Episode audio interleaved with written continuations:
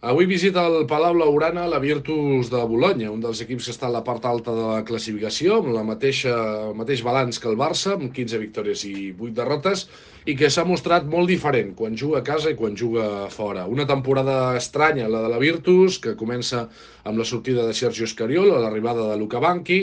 amb diferents moviments de plantilla, com pot ser la marxa de Gelin Smith, l'arribada d'Ante Zizic, i que ara mateix eh, no passa per un bon moment, després de derrotes dures com la, la que va sofrir al camp del,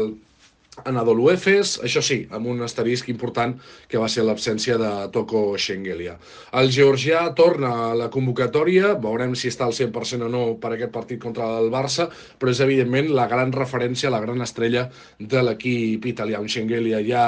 absolutament preparat, eh, assentat dins la rotació italiana, que és capaç de ser un líder vocal, un líder també a nivell estadístic per al conjunt italià. Després de la sortida de Gelin Dean Smith, eh, direcció partisan, ha quedat tota la posició de base, sobretot a les mans de Daniel Hackett i Alessandro Pagliola. L'italià ja el coneixem, un dels millors defensors d'Europa en situacions de 1 contra 1. Hackett és un veterà que es torna a passar un moment especialment dolç, apropant-se als 10 punts per partit i quasi 4 assistències en aquesta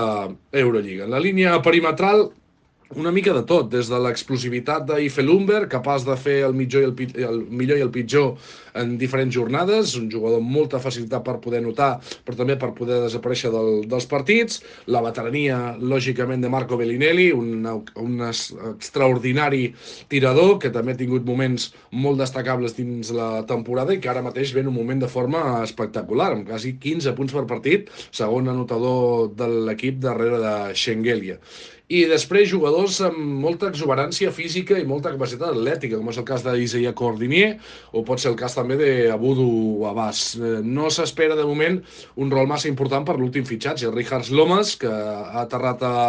Itàlia i només ha pogut participar en tres partits de forma més que testimonial. També es recupera i serà una de les opcions que podrà optar Luca Banchi i Onyen Dobric, un dels fitxatges que ha fet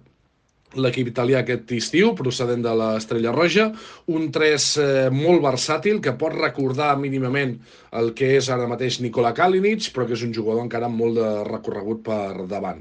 I per dins, diferents alternatives, amb Schengelia com a referent a la, a la referent a la posició de 4, eh, tant Aquile Polonara com Jordan Miki ajuden també en aquesta posició, i el fitxatge d'Ante Sisic supleix una miqueta la baixa de Demonte i Keiko, que havia de ser una peça important, que va ser una aposta interessant de la Virtus, però que no ha acabat de funcionar. Dins de tota aquesta rotació, evidentment, hem de mencionar un històric de l'Eurolliga com és Brian Dunston, que sembla que també que passa per un moment especialment dolç i en aquesta nova joventut s'està convertint en un dels principals referents interiors. Una Virtus que canvia molt quan juga a casa i quan juga fora i veurem si avui tenim una versió més encertada o menys, però sobretot amb la tornada de Schengelia, sobretot una Virtus molt i molt perillosa.